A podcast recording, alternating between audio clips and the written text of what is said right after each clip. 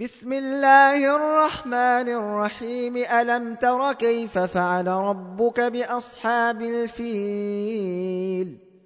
ألم يجعل كيدهم في تضليل وأرسل عليهم طير نبابيل ترميهم بحجارة ترميهم بحجارة من سجيل فجعلهم كعصف ماكول